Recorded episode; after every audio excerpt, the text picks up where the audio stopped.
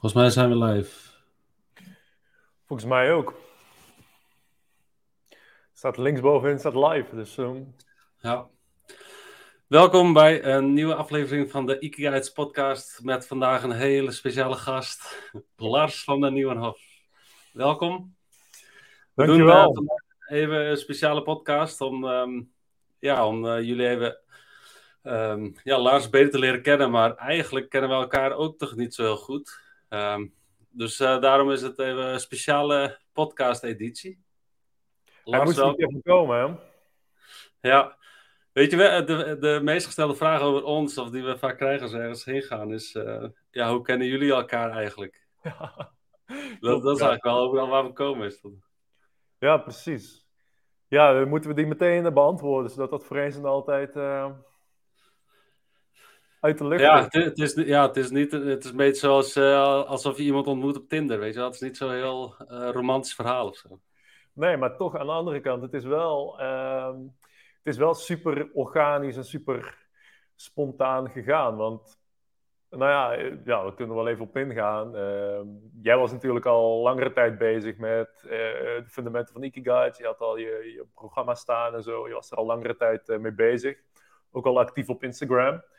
En ik, ik was eigenlijk, uh, ik had net mijn studie geneeskunde afgerond. En tijdens het laatste jaar van die studie uh, ben ik gaan bloggen over ja, de andere kant van uh, gezondheid.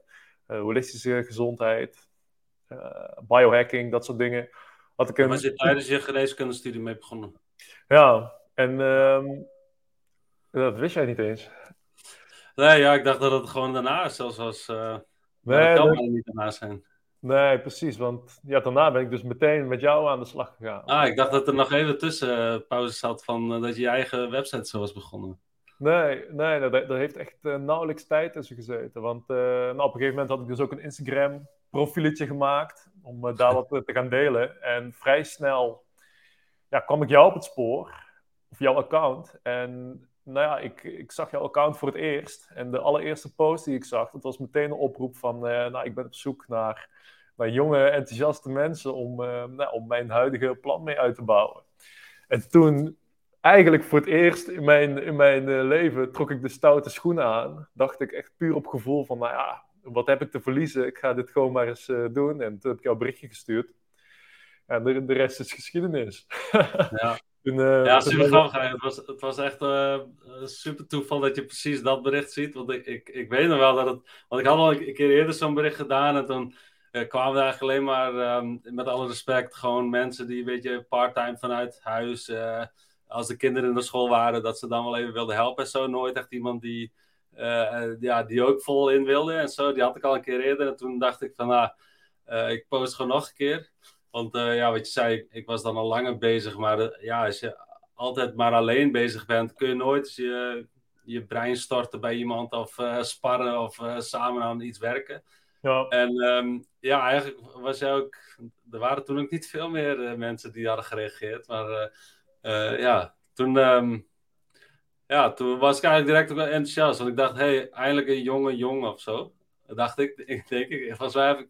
Had je toen echt wat op profiel staan? Of was het alleen nog maar um, wat oude feestfoto's of zo? Ja, nou, ik, uh, dat Instagram-account waar ik dat toen op deed, dat, daar was ik nog anoniem. Want die, uh, die website waar ik op blogde, dat, dat had ik Primal Focus genoemd. En daar was ik nog helemaal niet uh, in, in naar buiten gekomen, zeg maar, met mijn gezicht.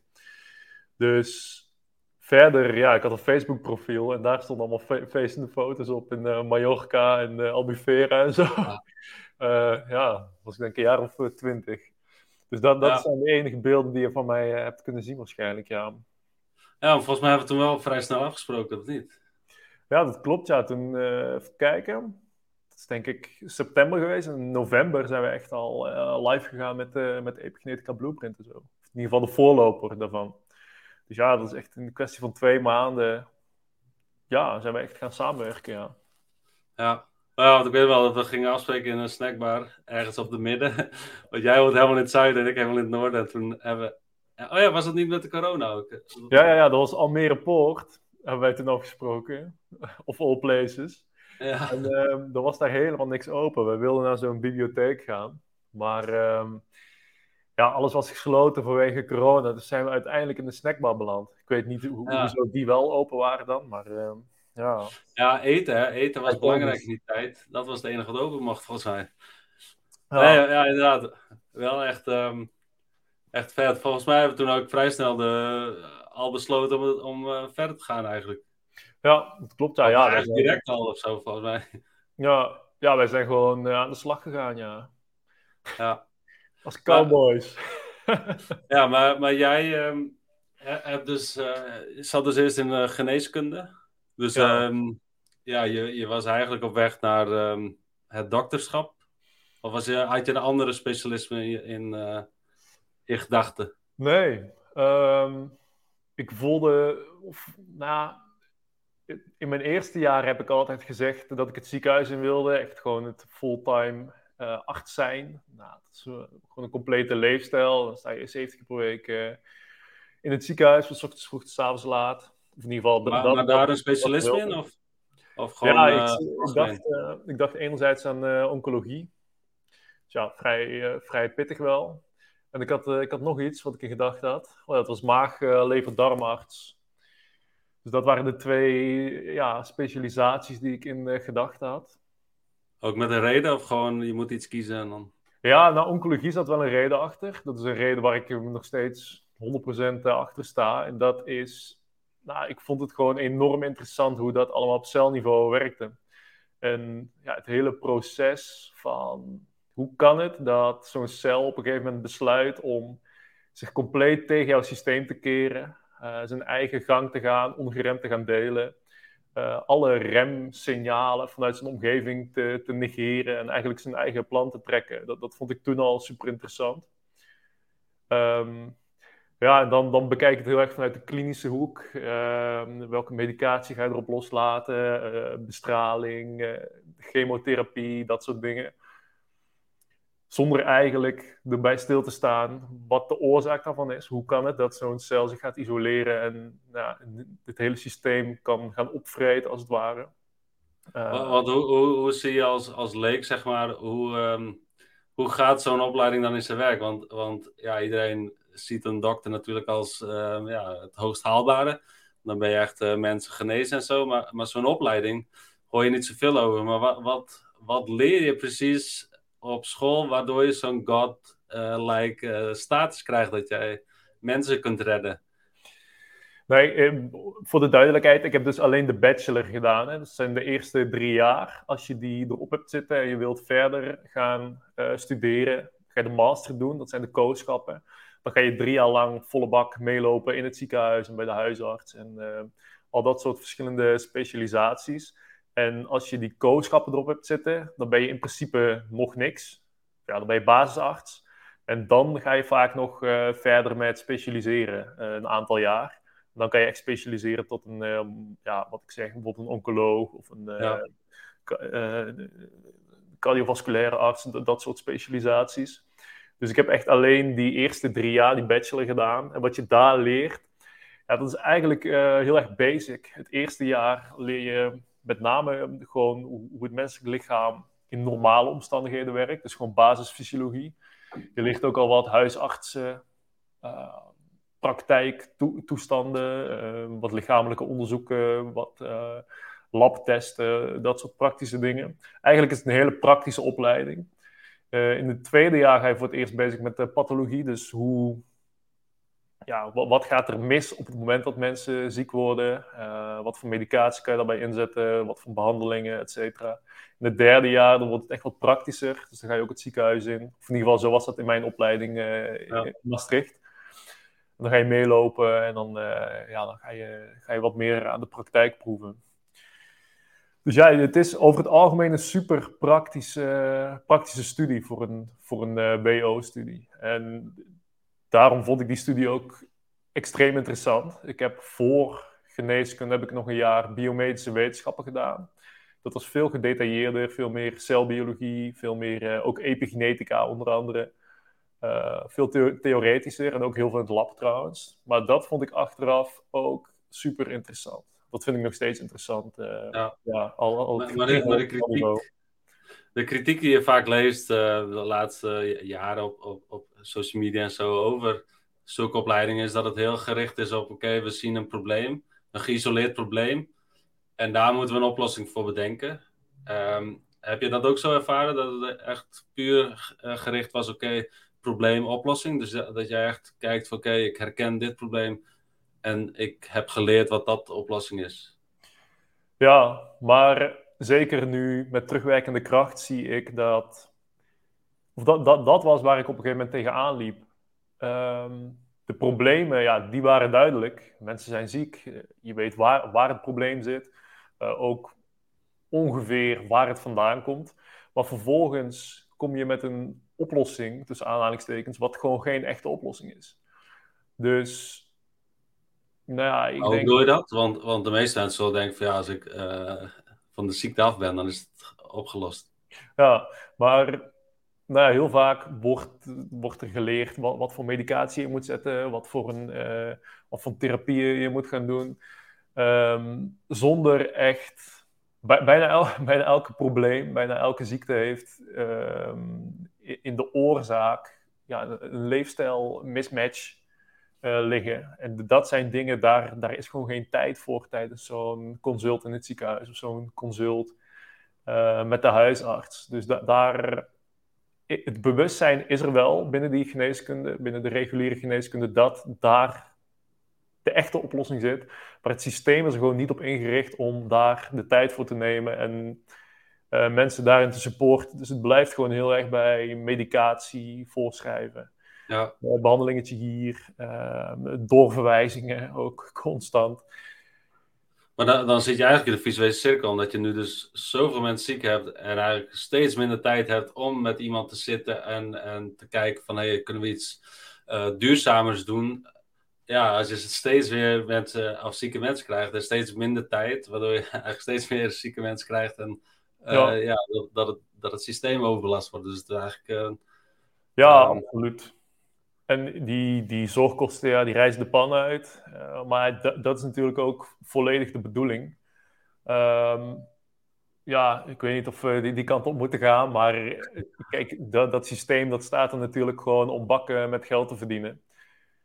Um, dus ja, de powers at B, die, die, willen, dat, die willen dat zo houden. Uh, dus ik denk dat de, de shift in heel die werkwijze, die moet echt van onderaf komen. Van de mensen die bewust worden van het feit, ja, dit, dit is niet hoe wij met onze gezondheid om willen gaan. Um, maar ja, binnen dat rad van die reguliere geneeskunde zelf zie ik daar niet snel verandering in ontstaan. Dat, je hoeft alleen maar daarvoor naar de opleidingen te kijken. Die opleidingen die veranderen naar mijn idee ook niet. En als ik kijk naar mijn vrienden die wel doorgegaan zijn met die studie, ja, het is gewoon lastig om als je met die studie bezig bent, buiten die kaders van die studie te gaan. Dus zij. Maar is, is het, hm? is het dan ook zo, want wij hebben bijvoorbeeld die podcast opgenomen met Ismaël, die zegt, ja, de opleiding die, uh, voor diëtisten, uh, die wordt gesponsord door de uh, industrie. dat hebben we bijvoorbeeld ook gezien met, met orthomoleculaire coaches, ja. die eventueel een beetje gesponsord worden door dezelfde business. Maar is dat, is, zie je dat hier ook, of kun je dat duidelijk zien, of is het heel aan de achtergrond, of, of, of merk je daar niet veel van dat je, dat je heel gericht in de schoolboeken ziet van oké, als je dit probleem ziet, uh, gebruik dit merk of deze uh, uh, product. Dat is op school, of in ieder geval op mijn opleiding, was dat die link niet zo direct te merken, maar ik denk wel dat dat volledig terugkomt in de wetenschap. die gedaan wordt, de onderzoeken die gedaan worden, die worden natuurlijk wel gesponsord of ge, gestimuleerd door de farmaceutische industrie, uh, door uh, medicijnmerken, dat soort zaken. Ook artsen die ja, geld in een handje krijgen als ze bepaalde merken medicatie gebruiken ja. of voorschrijven. Dus daar wordt absoluut wel ingestuurd aan de hand van geld en fi financiering. Um, wat je, hoe dat zeg maar doorcijpelt in de studiegeneeskunde is met name ja, de wetenschap die gewoon compleet gemanipuleerd wordt aan de hand van die geldstromen. En ja, de professoren en de, de wetenschappers die dan weer lesgeven op de universiteiten, ja, die zijn daardoor ook direct of indirect beïnvloed. Dus ja. En in die schoolboeken, ja, die, die zijn ook gebaseerd op, op, op de recente wetenschap. Dus op die manier zijpelt dat sowieso indirect wel door tot in die studies, ja. Maar, maar ik kan me dus voorstellen, als je, als je puur naar jou kijkt, zo de idealisme. Uh, ik denk als je een, een, zo'n opleiding doet, dat, dat je start vanuit een bepaald idealisme. Um, dat, dat je echt uh, een, een um, ja, grote verandering wilt teweegbrengen of echt uh, iets doen veranderen. Um, ja, is het daar bij jou dan ook een beetje. Ja, ja, het is niet echt misgelopen, maar je hebt een andere keuze gemaakt. Maar, ja. Was dat een puntje dan? Ja, absoluut. Dat is iets waar ik in dat derde jaar tegenaan ben gelopen. En ja, ik zeg altijd, ja, vooral heb ik honderd keer verteld, maar ik kan het nog wel een keer vertellen. Uh, ja, ik vertel net in dat derde jaar uh, kom je voor het eerst in aanraking met uh, patiënten. Dus ga je echt met artsen meelopen. En daar heb ik één specifiek consult meegelopen met een arts. Was het cardiovasculair risicomanagement. En daar kwam een oudere vrouw binnen, een jaartje of 75. Nou, had uh, een aantal klachten aan de hand van de lijst van medicatie die ze al had, waren bijwerkingen. Ze had uh, hartritmestoornis, uh, probleem met de bloed, bloeddruk, et cetera. En nou ja, dan heb je tien minuten gesprekje, doe je een klein lichamelijk onderzoekje. vervolgens praat de arts nog even met die mevrouw. conclusie is twee medicijnen toevoegen aan die lijst om de bijwerkingen van de bestaande medicatie te compenseren. En daarmee wordt die vrouw mee naar huis gestuurd. Ja, daar, daar kan je natuurlijk heel veel vragen bij stellen. Ik, ik voelde toen al meteen van ja, wat zit hij weer te doen, weet je wel. Maar ja, dan denk je, je zit nog midden in die studie, denk je van ja, zal wel zo horen. Uh, oudere vrouw, nou, nog gewoon een beetje rekken, een beetje kwaliteit van leven uh, geven. Eigenlijk ben je daar natuurlijk al veel te laat met het, ingrijpen. Uh, dat moet eigenlijk 20, 30, misschien wel 40 jaar eerder. Maar ja, dat heeft mij wel aan het denken gezet van, is dit wat ik de rest van mijn leven wil doen? Wil ik in deze molen meedraaien? Uh, want eigenlijk, ja, zag ik ook wel dat het, het mij ook veel meer uh, levenszin zou geven om veel eerder in het proces in te grijpen. Aan de hand van preventieve geneeskunde. Daar, daar wilde ik toen echt werk van maken. Daar ben ik toen ook ingedoken. Ehm, ik kon daar niet zo heel veel opleidingsmogelijkheden in vinden. Leefstijlarts, dat is een begrip wat ik nu steeds vaker hoor. Ja. Maar toen ja, was het allemaal nog niet zo uh, concreet. Dus ja, ik ben me daar zelf in gaan verdiepen. En toen ben ik erachter gekomen dat ja, er nog veel meer is dan niet ziek worden. Uh, dat is het hele leefstijl optimaliseren. Het optimaliseren van je gezondheid, het biohacken. Dus eigenlijk ja, die, die ongelofelijke wereld aan mogelijkheden die ontstaat. Uh, eigenlijk vanaf het moment dat je zeker weet dat je niet ziek bent of niet ziek wordt. Ja, wat er dan, daarna allemaal nog meer te behalen is. Gewoon elke dag bakken met energie hebben. Uh, je kunt focussen op de dingen die je belangrijk vindt. lekker slapen, goed in je vel zitten, goed kunnen zijn voor de mensen om je heen. ja, je gewoon kunnen geven aan de dingen die, die jou drijven. En dat is nog veel interessanter, vind ik. Maar, maar zie, je ook, eh, zie je ook mogelijkheden in een oplossing dan van het uh, bestaande model? Of denk je dat, dat, dat je echt een heel nieuw model en systeem moet opzetten voor dat je echt resultaten gaat halen wat jij in je hoofd hebt over hoe de wereld er zo uit moet zien? Of zou, of zou je nog iets kunnen redden van het oude model? Ja, goede vraag. Ik denk dat, net zoals met meerdere huidige modellen, dat dat echt of gewoon helemaal kapot moet. Uh, dus dat, dat de zorgkosten gewoon zo extreem uit de pan reizen uh, en dat wij zo massaal ziek worden, ja, dat er gewoon geen ja, dat zijn we aardig goed op weg. Ja, ja, we zijn aardig goed op, weg, echt. En het uh, gaat in exponentieel tempo. Maar wat ik eigenlijk denk, en misschien ook wel veel meer hoop, is dat uh, ja, de shift veel meer van onderaf gaat komen. Dus, nou ja, uh, kijk in onze omgeving, mensen die enthousiast en ja, veel bewuster omgaan met hun gezondheid en dus ook ja, gaan beseffen wat er allemaal mogelijk is op dat vlak. Dus enerzijds dat niet ziek worden, maar anderzijds ook ja, je gewoon top voelen heel de dag en uh, barsten van de energie, wat ik net allemaal zei ik heb er wel het gevoel dat dat, ja, dat dat wel een golf is die, um, die steeds grotere proporties aanneemt. En dat kan natuurlijk, net zoals die, die ziekte die we om ons heen zien, die in exponentieel tempo toeneemt. Ehm, ja, aan de andere kant die positieve golf, die kan ook exponentieel groeien. Daar ben ik oprecht al van overtuigd. Ik denk ook dat die twee heel sterk samenhangen. Dat hoe meer, hoe groter de ellende wordt, um, hoe groter de tegenbeweging ook wordt. Als een soort uh, ja. wet van Newton. Ja, want het niet ziek zijn als doel nemen is ook wel een heel laag doel. Uh, ja. eigenlijk wil je daar ook niet naar kijken. Je wil gewoon kijken wat, um, wat, je, wat je hebt en zo, wat je daar allemaal mee kan. Man. En uh, wat jij ook zegt met, met uh, bakenergie, gewoon leuke dingen doen en eigenlijk helemaal niet bezig zijn met die dingen. Alleen wat ik bij mezelf ook merk, en ik denk dat veel volgers dat ook hebben, is dat ja, tegenwoordig heb je het idee dat alles slecht voor je is en dat alles um, ja, je ziek maakt. Um, ja, dat, dat is dan ook, ook weer een um, probleem eigenlijk. Ja, het is, het is snel too much. Je, wat je vaak ziet is dat, ja, me, meestal vanuit uh, het systeem, vanuit huis uit krijgen mensen ja, de boodschap dat, dat er meer is, krijgen ze niet snel mee. En op een gegeven moment, als je een beetje geluk hebt, word je wel met dat gegeven geconfronteerd. Dan gaat er een wereld voor je open. Uh, maar ja, op dat moment dan betreed je de jungle. En dan uh, die eerste stappen in die jungle, die, die zijn vaak het heftigst. Want dan komt er van alles op je af. En dan vooral ook wat er allemaal ja, zo verkeerd is, tussen aanhalingstekens, zo slecht is aan het leven wat je op dat moment leeft. Ongezond, moet ik zeggen. En ja, uh, dat is wel informatie die, die je af kan schrikken. Dat kan wel eens schrikken zijn. Um, want, hoe ga je daarmee om dan? Want ik bedoel met het probleem juist van dat je, dat je aan de ene kant denkt: oké, ik wil uh, eh, 1 januari, ik ga, uh, ik ga met gezondheid bezig, ik ga ermee bezig.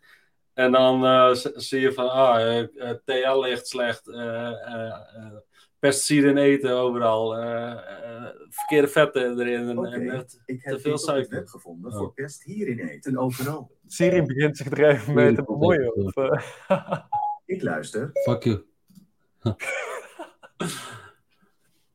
nou, dat was even Siri tussendoor. Ja, maar dat probleem dat je dan denkt van... Um, dat je met heel veel motivatie bij januari begint, maar dat je dan um, ja, denkt, ja, waar moet ik eigenlijk beginnen? Want, uh, want uh, ja, als ik op, op social media zit, uh, die zegt dat, die zegt dat. En dan ook nog specialisten die precies tegenover elkaar staan met, oké, je moet vegan zijn of plant-based. En dan zegt je moet carnivore dieet hebben, want dat is het beste. Ik had toevallig gisteren over melk begonnen. En ja, niks, niks over gezegd, maar gewoon gevraagd. Oké, hoe sta je tegenover melk? En dan zie ik echt allemaal mensen zeggen, ah, dat is puur gif, dit, dat is alleen maar voor baby's. En aan de andere kant zie ik, ah, dat heeft me heel erg geholpen met het herstel van chemokuur.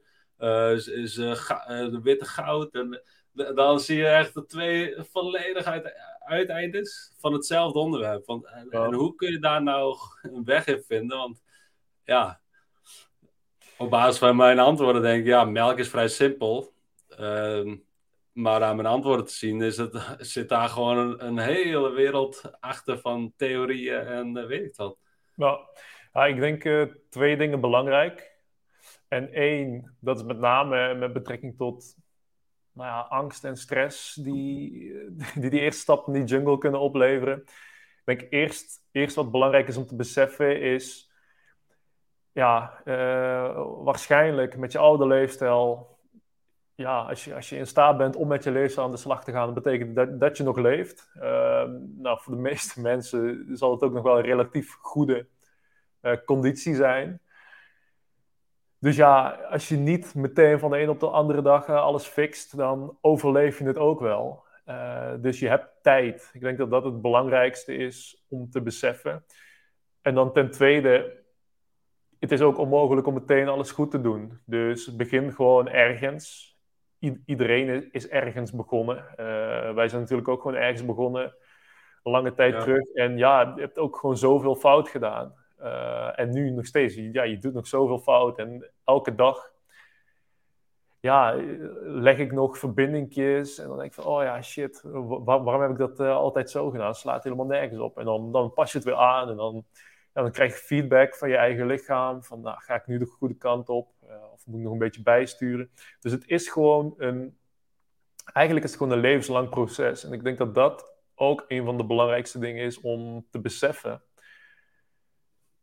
Ja, dat je gewoon de tijd hebt en er de tijd voor moet nemen. Uh, het, is een hele, ja, het is een heel leerproces waarin je eigenlijk je lichaam, uh, je, de, relatie met, met jezelf moet herontdekken. Want dat is iets wat, wat je op school niet geleerd krijgt. Uh, nou, vaak van huis uit ook niet, vanuit je opvoeding. Dus dat is eigenlijk wat ons over het algemeen te doen staat met betrekking tot gezondheid. Het is gewoon ja, de connectie met jezelf terugvinden. Uh, met name op, op, fysiek vlak hebben we het nou over. Dus uh, ja, je eigen lichaam leren kennen. Ja. En dat is, uh, ja, eigenlijk is dat een super intieme relatie. Hoe is die relatie bij jou begonnen dan? Ben jij vanuit ziekte begonnen of puur interesse al van jongs aan? Of? Nee, bij mij is het dus echt... je ziet vaak dat bij mensen vanuit ja, een, een, een, pijnpunt komt. Dus echt, uh, of ja, een pijnpunt, ja. een ziekte of klachten of gezondheidsproblemen. Maar bij mij is het veel meer vanuit uh, ja, het sporten gekomen en toch ook al de drang om uh, dingen te optimaliseren. Ja, ik postte laatst toevallig in mijn stories. Dat zou je eventueel ook als ziekte kunnen zien, want dat komt natuurlijk ook ergens vandaan, die drang om altijd maar alles te willen optimaliseren. Maar van daaruit is dat wel bij mij gekomen. Uh, ja, ik begon op een gegeven moment begon ik te, te fitnessen, dus krachttraining. En uh, ja, dan ga je al snel met voeding bezig, want je wil groeien, je wil sterker worden, je wil groter worden. Maar waar, waar is dat uit eh, voortgekomen dan? Want ehm, dat is vaak soms ook uit een pijnpunt van ja. onzekerheid of ehm, misschien wel gepest worden. Of dat je ja, een voorbeeld hebt op social media dat jij in één keer super gemotiveerd wordt om aan je lichaam te werken. Of had jij ja. dat niet? Ja, bij mij kwam dat niet zozeer uit echt diepe onzekerheid. Bij mij was het meer, uh, ik had altijd heel veel getennist. Uh, en toen, ja, op een gegeven moment ook uh, een half jaar voor de halve marathon getraind met een vriend van mij. Echt flink getraind. Dus ik, ik was gewoon super skinny. En ik was toen een jaar of 16 en dat is een beetje de leeftijd dat je achter de dames aangaat. En nou ja, een soort van omslagpunt in je, in je leven is dat toch wel. Je gaat toch richting je volwassen leven en word je misschien ook wel bewuster van hoe, hoe je eruit ziet en ja, hoe je bij andere mensen opvalt. Dus ja, toen keek in de spiegel en dacht ik van, nou, 1,88. Alleen als de wind blaast, dan uh, neemt hij me zo mee. Dus dacht van, nou, het is tijd om, om naar de gym te gaan. Er werd toevallig net een nieuwe gym geopend, vlakbij mijn ouders in de buurt. Dus ja, ik denk, ga maar een beetje spieren kweken. En wat meer ja, het gevoel van mijn uh, groeiende mannelijkheid uh, laten matchen bij mijn uiterlijk. Dus zo ben ik in die sportschool beland. En, en toen uh, ook automatisch aan voeding, met, dat je in de gym komt en al die eiwitproteïnes en creatines zo gaat nemen, of niet? Ja, precies. Dan maak je alle, alle, alle fouten, alle standaardfouten die in die scene gemaakt worden. Dus echt gewoon heel veel, maar smerig eten om maar aan je caloriebehoefte te komen. Ja. Uh, alle, alle foute supplementen gebruikt, alle foute eiwitshakes, weight gainers zelfs. Als, als, je naar jou kijkt, heeft het wel geholpen. Dus aan de andere kant is het niet per se fout. Of um, dat je, ja, als mensen jou zien, dan denken ze: hey, je, hebt, je, bent toch, uh, je hebt toch resultaten, hoezo is het fout dan? Ja, nou, ik, ik ben dus ook wel echt uh, vrij groot geweest, of in ieder geval voor, voor mijn doen. Ik heb een, echt een zieke transformatie doorgemaakt. Toen ik 16 was, toen woog ik een kilo of 72. Op mijn top, was denk ik mijn 21ste, 22, 22ste misschien. Toen uh, tikte ik de 96, 97 kilo aan. En dat was, was, geen, was geen vet, dus dat was wel echt... Uh, ja, dus in die zin was mijn, uh, mijn aanpak was wel succesvol als je puur naar het resultaat van spiergroei en progressie in de gym kijkt. Maar ik zat wel uh, drie tot vier keer per dag op het toilet. Ik um, sliep slecht. Ik zat een uurtje voor het slapen, was ik nog bakken kwark met muesli naar binnen aan het werken. Ja, dan vroeg ik me af uh, waarom ik slecht sliep en waarom ik ochtends onuitgerust wakker werd. En waarom ik middagdipjes had en af en toe gewoon even op bed moest gaan liggen om, om bij te komen, om weer energie te krijgen om weer naar de gym te gaan. Ik gebruikte van die pre-workouts. Dus ja, ik dronk, sowieso al veel koffie, want ik studeerde ook. Dan, dan drink je veel koffie. En voordat ik naar de gym ging, deed ik nog van die pre-workouts naar binnen werken, waar, waar echt nou ja, belachelijk veel koffie in zat. Dan vroeg ik me weer af waarom ik uh, s'avonds als ik in mijn bedje lag naar het plafond lag te staren en ik kon slapen. Dus ja. Dus eigenlijk is, het, is de switch wel gekomen uit het pijnpunt. Dus eigenlijk de switch van, oké, puur het uiterlijk kijken en, en op een gegeven moment voelen dat je innerlijk niet zo lekker gaat, uh, is dan misschien de switch geweest naar jouw interesse in, oh, misschien is het uiterlijk niet uh, equal aan, aan gezondheid. En uh, heeft het toch misschien gezorgd voor een extra interesse in de binnenkant?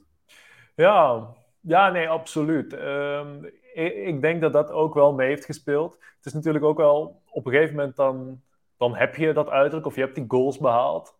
En dan, ja, dan heb je ze gehaald. En dan ga je weer door naar het volgende. En ehm, ja, ik kwam toen voor het eerst in aanraking met uh, biohacking. Want ja, ik was nog steeds extreem geïnteresseerd in hoe dat menselijke lichaam in elkaar zat. En ja, ik, kwam in aanraking met vasten, met circadiaanse ritmes. Dus ook om beter te kunnen slapen. En ja, misschien ook wel toch een beetje die nadelige effecten te kunnen compenseren van, uh, nou, van, die, van die gym lifestyle die ik erop nahield. Dus zo is dat ja, misschien toch ook wel vanuit pijnpunten. Uh, ja, is mijn weg richting um, gezondheid, of in ieder geval de, de, de verdieping daarin, heeft zich vrij natuurlijk vervolgd. En waren daar ook voorbeelden in dan? Had je in je directe omgeving voorbeelden of, of uh, volgde iemand online die jou op een bepaald pad heeft gezet? Ja, uh, de persoon die mij dus echt in biohacking heeft getrokken, uh, dat was die Seam Land. Die was ook op de Biohacker Summit. Oh ja, ja. dat is zo'n Fin en ja, die, die is ook van de, van de hardcore informatie en de, de cellulaire processen. En, dus dat sprak mij heel erg aan allemaal super gedetailleerd. Ehm, en die heeft mij wel dat pad opgetrokken. Ik ben er nou wel wat, wat in veranderd. Ik volg hem nou niet, niet meer zo erg, maar dat is wel degene die, ja, die mijn volgende stap daarin uh, triggerde op dat moment. Ja, ja absoluut.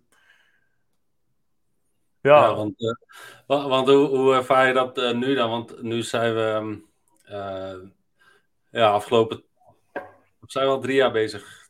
Ja, nee, corona twee. al een jaar dan. Nee, nee, nee, nee twee, twee jaar. We zijn ruim okay. twee, twee, jaar bezig nu. We zijn dus, dus je hebt nu eigenlijk... september begonnen. Ja, je hebt nu eigenlijk meer dan duizend mensen al uh, door de AP Blueprint, et cetera, via het platform uh, mogen spreken, mogen inspireren, mogen helpen en begeleiden. Um, ja, wat doet dat met je dan als je kijkt van oké, ik kom uit het ziekenhuis waar ik eigenlijk weinig kon veranderen of een verschil kon maken en, en nu dan um, ja, eigenlijk waar het gemaakt wat je graag wilde? Ja, ja, goede vraag. Ik sta er eigenlijk veel te weinig bij stil, maar nu, nu sta ik er dus bij stil en ja, ik krijg daar bijna kippenvel van, want ja, ik weet gewoon bijna zeker, of ik weet eigenlijk wel heel zeker dat de impact die ik hiermee heb kunnen maken zoveel groter en zoveel fundamenteler, zoveel betekenisvoller is. Zoveel duurzamer ook dan wat ik in dat ziekenhuis had gedaan. Want dan, ja, dan was ik nou nog niet eens arts. Dan had ik nou twee jaar als eh, knaapje daar achter die arts aan mogen lopen. Ja. alle vuile klusjes mogen doen. Had ik nog een uh, jaar gemoeten en dan pas was ik aan de slag gegaan.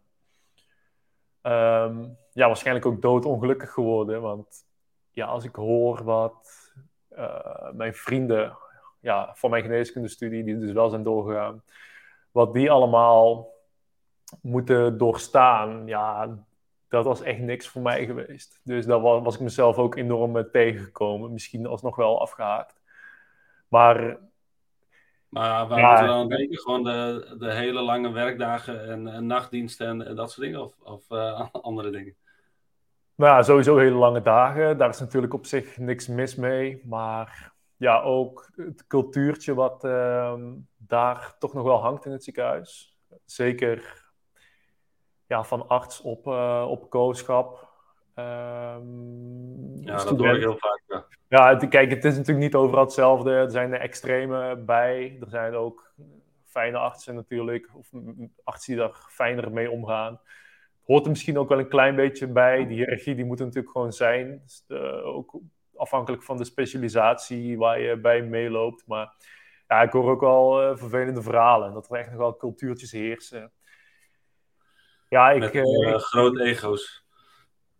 Ja, inderdaad. En eh, eh, kijk, het meest schrijnende vind ik dat ik ehm, van veel mensen nog terug hoor dat ze zich anders moeten voordoen dan dat ze zijn. En dat, dat is iets, daar heb ik zelf ook altijd echt extreme moeite mee gehad. Ja, je, je nep, nep, je nep, nep gedrag. Daar, daar, daar, ik kan dat sowieso niet. En ja, ik denk dat dat heel erg me heel snel was tegen gaan staan. Dus in die zin, ja, alleen maar goed dat ik voortijdig uh, ben afgehaakt. En mooie bijkomstigheid is, uh, nou, wat je zegt, dat ik mensen inmiddels ja, op een veel fundamentelere manier, een manier die veel dichter bij mijn hart ligt, heb kunnen helpen, ja. Want, want, heb je nu echt het idee dat, dat jij echt uh, helemaal jezelf kan zijn en dit helemaal jouw ding is en dat je helemaal tot je recht komt? Of, of zijn er nog dingen die. Um, wat kijk, in het ziekenhuis uh, zie je mensen echt in de ogen. Uh, ontmoet je ook echt mensen. Nu zit je veel achter, achter computerscherm natuurlijk. Ja, precies. Dat is wel. dat is natuurlijk wel iets het allermooiste zou natuurlijk eh, face-to-face of live zijn. Dat is natuurlijk iets wat ik de afgelopen tijd uh, nou, ook wel wat meer heb kunnen doen met Ikitribe. Bijvoorbeeld de, de, de koude training workshop. Nou, dat is wel echt, dat is wel echt uh, het toppunt. Dat is super leuk. Dan voel je ook de verbinding en dan krijg je ook meteen die energie terug van de, van de mensen die er zijn. Wat, wat is die Ikitribe dan precies? Wat Ekentribe is. Ja, ja, ik weet het misschien dat, wel. Maar dat is de online community die wij, uh, die wij hebben opgericht in november. Dus uh, staat nog relatief in de kinderschoenen. Maar uh, ja, daar delen wij dus premium content met onze leden. we doen daar challenges. We organiseren daar events, zowel online als offline.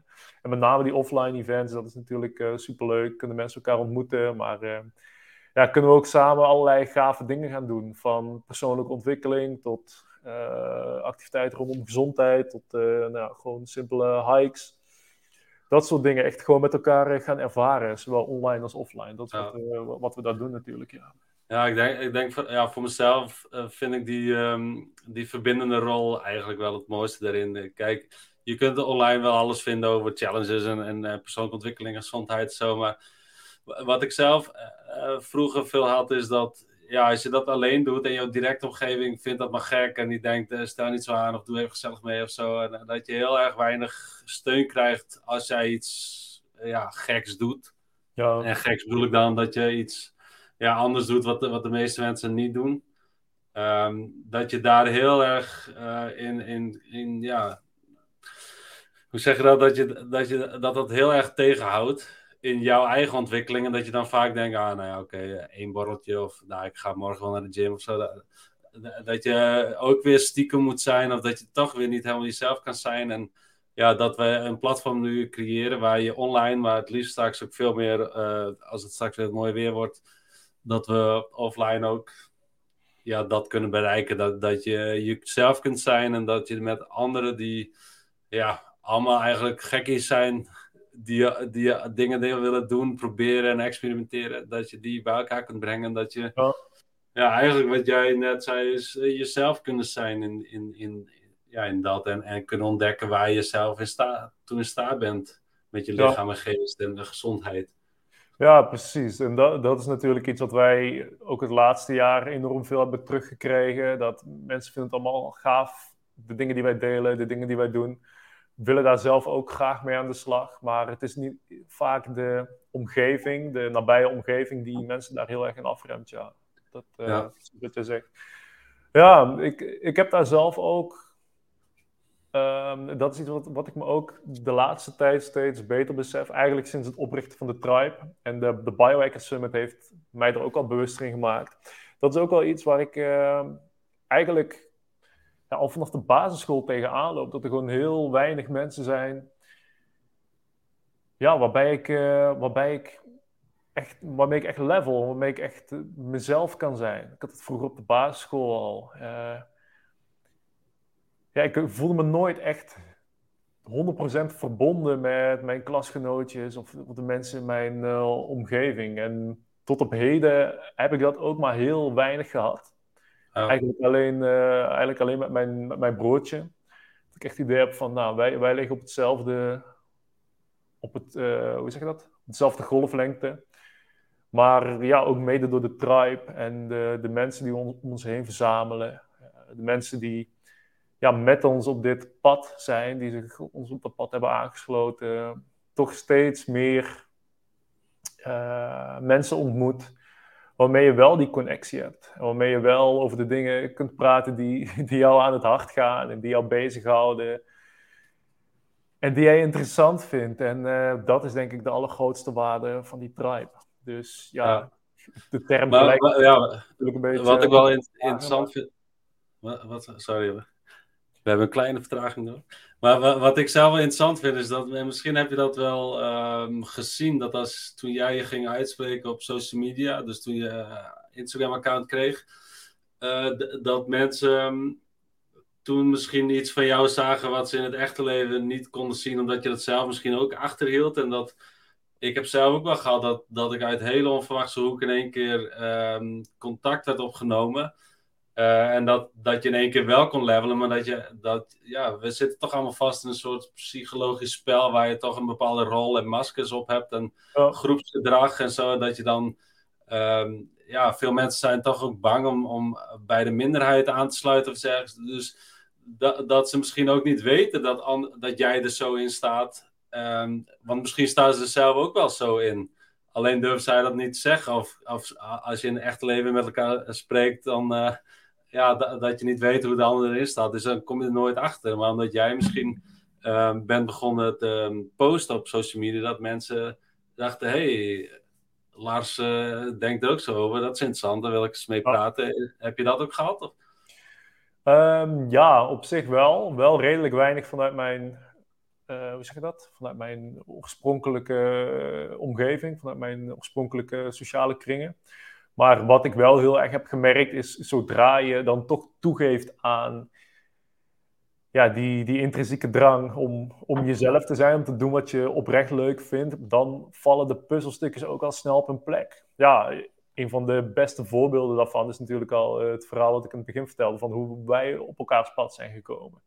Dat is ook gebeurd nadat ik ja, dat Instagram profiel heb aangemaakt en eigenlijk toch voor het eerst openbaar gaat met ja, de dingen die jij, uh, die jou bezighouden en die jij oprecht interessant vindt. Want ja, ik dacht in het begin ook van, ja, moet ik een Instagram profiel aanmaken? Ik deed sowieso al niks met mijn persoonlijke Instagram profiel. Ik vind, ja, interesseert mensen het wel? Uh, heb ik wel daadwerkelijk iets toe te voegen? Uh, wat moeten mensen ermee? Maar ja. ja, ik denk als je je uit gaat spreken, dat is de enige manier nou, waarop je enerzijds uh, mensen tegen kunt komen die er hetzelfde in staan. Maar ook als je dat pad, je eigen pad gaat lopen. Dat is, dat is het pad waar je, ja, waar je de mooie dingen tegen het lijf, aan gaat, tegen, tegen het lijf gaat lopen. Dat, dat is denk ik ook het pad waarop je gaat ervaren dat ja, dingen op haast magische wijze samenvallen. Ja, ik hoop, ik hoop eigenlijk ook dat de Iki Tribe daar iets in kan doen. Want je, je hebt misschien wel, eh, ja, of, ja, als je nu kijkt op Instagram of zo, dan, dan ligt half Nederland in een ijsbad, in een, in een bak. Uh, maar moest dat ook van heel ver komen? Want, want toen, ja, ik weet niet wanneer jij begon, maar ik begon denk ik uh, zeven jaar geleden of zo. Toen was ik echt nog gevaarlijk en gek en wie doet dat nou en dit dat. En um, ja, voordat je dan het sociaal geaccepteerd krijgen en steeds meer mensen uh, gaan kijken van hey, dat is interessant, uh, misschien moet ik het ook eens proberen.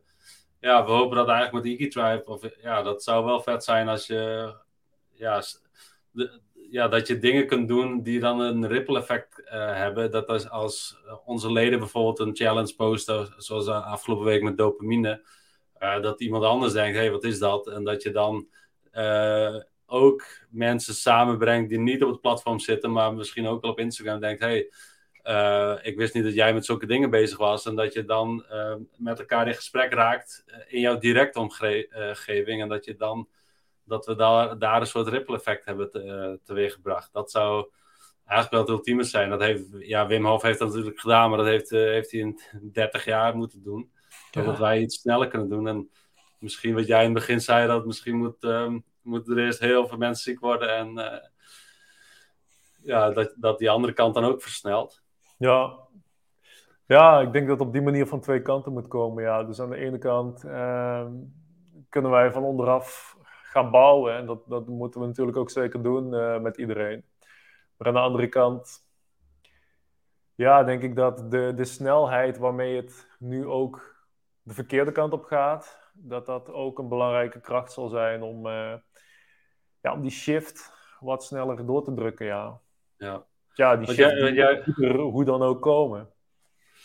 Want jij bent nu ook met iets nieuws uh, interessant bezig, of iets wat eigenlijk nog niet echt veel bekendheid heeft en waarschijnlijk bij de meeste mensen nog, uh, net zoals Wim, Wim Hof tien jaar geleden, naar gekeken wordt van, uh, ja, spiritueel, bla bla, niet te bewijzen of ja, moet je in geloven of zo. Dan heb ik het over de, de Je hebt een oh. Quantum Blueprint geschreven.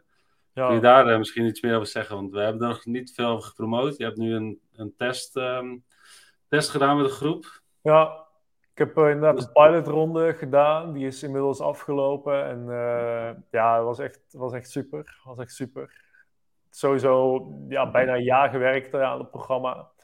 Is wel een flink proces geweest en uh, heel gaaf om dan daadwerkelijk mensen dat programma te zien doorlopen. En dan helemaal gaaf als ze super enthousiast zijn. En ja, sommigen die, die, die vonden daadwerkelijk uh, ja, het meest impactvolle programma wat ze tot nu toe gedaan hebben. Dus ja, niet om mezelf op de schouder te kloppen, maar dat, dat is natuurlijk fantastisch om, om terug te horen. Juist omdat vanaf het moment dat ik me bezig ben gaan houden met uh, quantum health en quantum biologie, ja, zijn er voor mij zo'n rap tempo puzzelstukjes op een plek gevallen. Uh, zo snel nieuwe antwoorden op kunnen doen rondom ja, de, de problemen waar wij momenteel keihard tegenaan lopen met onze gezondheid. En waar niemand echt, voor in de mainstream gewoon ja, heel, weinig, heel weinig fundamentele antwoorden op zijn. Ja. Um, dus in die zin heeft dat echt talloze deuren voor mij geopend. Um, ik denk ook talloze mogelijkheden voor nu, maar ook in de nabije toekomst. Maar, maar als je... Initiële vragen moet... Nee, ja, wat, als je er nog nooit van gehoord hebt, wat de meesten niet hebben, denk ik, is uh, kwantumfysica, et cetera. Wat, ja. wat is het eigenlijk en, en wat, wat kun je er eigenlijk mee? Ja, kwantumfysica is dus een natuurkundige, natuurkundige stroming. Um, is redelijk, is redelijk um, ja, hoe zeg je dat? Redelijk woe-woe. Terwijl het gewoon het is keiharde wetenschap, alleen het is, meer, het is een beetje de, de niet-absolute kant van de natuurkunde. Je hebt natuurlijk de, bijvoorbeeld de Newtoniaanse natuurkunde, waarin je actie uh, is reactie hebt. Dus als er A gebeurt, dan gebeurt er B. Uh, absolute verbanden. Alleen in de kwantumfysica zie je juist dat die absolute verbanden niet opgaan. Kwantumfysica werkt volledig op basis van waarschijnlijkheid. Dus waar je in de absolute natuurkunde, als ik uh, hier een tennisbal in mijn handen heb, of laten we zeggen een baksteen in mijn handen heb, hier rechts voor mij uh, is het raam. Als ik die baksteen negen keer richting het raam gooi, als ik hard genoeg gooi, dan gaat hij negen keer dwars door dat raam. Ga ik de tiende keer die baksteen gooien, nou, een hele grote kans dat hij de tiende keer ook gewoon dwars door het raam heen gaat. Dat is absoluut in natuurkunde. Het zijn verbanden die je kan voorspellen op basis van de data die je observeert. Maar hoe kwantumfysica werkt op basis van waarschijnlijkheid is net anders. Ehm, kwantumfysica uh, kijken we heel erg naar subatomaire deeltjes. Dus dat zijn superkleine deeltjes. Denk aan elektronen, denk aan fotonen, neutronen. Um, dus nou, als we hetzelfde voorbeeld pakken. Uh, ik sta hier nu niet met een baksteen, wat een groot voorwerp is, wat materie is. Maar ik heb even een elektron in mijn handen. Uh, die kan je niet vastpakken. Die zijn super klein. Maar stel je voor dat ik die in mijn handen heb. Ik ga hem negen keer gooien. een elektron heeft niet genoeg massa om door het raam of het raam kapot te maken. Dus nou, ik ga hem negen keer richting het raam gooien, zal hij er negen keer vanaf stuiteren. De tiende keer ga ik het elektron, uh, of ga het elektron nog een keer gooien. De tiende keer, op basis van absolute verbanden zou je zeggen, nou, hij zal er wel weer vanaf stuiteren. Maar kwantumfysica werkt op basis van waarschijnlijkheid. Er is een kans dat de tiende keer dat ik dat elektron naar het raam ga gooien, dat hij dwars door het raam heen gaat. Maar niet het raam kapot maakt, maar als het ware teleporteert van de ene kant van het raam naar de andere kant van het raam. Dus er is een reële kans dat uh, dat elektron ja, de barrière wat het raam is, ja, dat er gewoon, gewoon dwars doorheen gaat zonder dat het energie verliest. Dat noemen we kwantumtunnelen.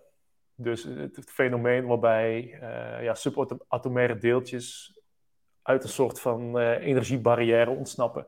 Dus dat zijn hele, dat zijn super moeilijk te grijpen effecten voor ons menselijk brein. Gewoon omdat we die op de macroscopische schaal waarop wij leven, wij nemen dat niet waar, wij observeren dat niet. Ons macroscopische leven werkt dus veel meer op basis van die uh, absolute uh, relaties. Maar als je gaat kijken naar de manier waarop het leven werkt, uh, waarop wij op cellulair niveau werken, dat gaat al veel meer richting dat uh, subatomaire en richting die kwantumfysische verbanden, relaties, effecten. Dus eigenlijk werken wij volledig op basis van die, uh, op basis van die regels van waarschijnlijkheid van de kwantumfysica. En dat, dat is ook een van de redenen overigens waarom ja, de ene leefstijltool of de ene leefstijlmethode voor de ene persoon nou, verschrikkelijk goed kan werken. Voor de andere ja, geen garantie hoeft te geven dat in die andere ook werkt. Dat is omdat wij dus niet volgens die absolute wetten werken, maar ja, voornamelijk via die, uh, via die wetten van waarschijnlijkheid, die, die kwantummechanische wetten. En kwantummechanica, dat, dat is dus de pure natuurkunde, maar de manier waarop dat tot expressie komt in het leven, dat is kwantumbiologie. en uh, ja, dat is super interessant. Dat is een allemaal redelijk relatieve, verse nieuwe wetenschap. Maar uh, ja, we leren daar in razend tempo, leren we daar steeds meer over. En uh, het biedt gewoon superveel antwoorden op vragen die we tot voor kort nooit hebben kunnen beantwoorden. En nou, daar... zijn, er dan, zijn er dan op, zeg maar, op eh, persoonlijk niveau of uh, in het dagelijks leven voorbeelden te noemen waardoor mensen kunnen herkennen van hey, wat er nu gebeurt, of hey, dit voelde ik, of hey, dit gebeurde uh, dat je dat kunt linken aan wat jij net uh, gezegd hebt. Dat, je, uh, dat de luisteraars morgen over straat gaan of ergens of er gebeurt iets dat ze ja, ergens een, een, een, een, een seintje krijgen van ah. Nou, het, mooiste voorbeeld en het meest impactvolle voorbeeld vind ik misschien wel alles wat met licht te maken heeft. Licht is een kwantumfenomeen. Licht ja, je zou, we zouden voor het gemak even kunnen zeggen dat licht een, een deeltje is, wat bijvoorbeeld via de zon hier naar de aarde wordt gestuurd. Maar licht is niet uh, alleen een deeltje, het is tegelijkertijd ook een golf. Maar laten we dat even terzijde schuiven. Uh, ik kan me voorstellen dat het ineens heel heftig is even. Maar uh, ja, zo'n quantum effect is bijvoorbeeld het effect wat een ja, een lichtstraal op jouw fysiologie kan hebben. Eén, één lichtstraal, één seconde blootstelling aan, het licht van de zon, uh, met jouw ogen bijvoorbeeld, uh, met jouw huid, kan al de volledige programmering van jouw biologische klok uh, omgooien. Um, en dat, dat is bijvoorbeeld de reden dat s ochtends wanneer je wakker wordt en naar buiten gaat, je je kopie in, in de zon zet of in het daglicht dat is de reden dat die subtiele prikkel uh, jouw hele programmering, jouw, de, de, de, hele aansturing van jouw systeem van ja, nachtmodus naar dagmo dagmodus kan brengen. Waarin jouw energiehuishouding wordt geactiveerd. Waarin jouw hormoonhuishouding wordt geactiveerd. Waarin jouw spijsvertering gaat draaien. Waardoor je honger krijgt.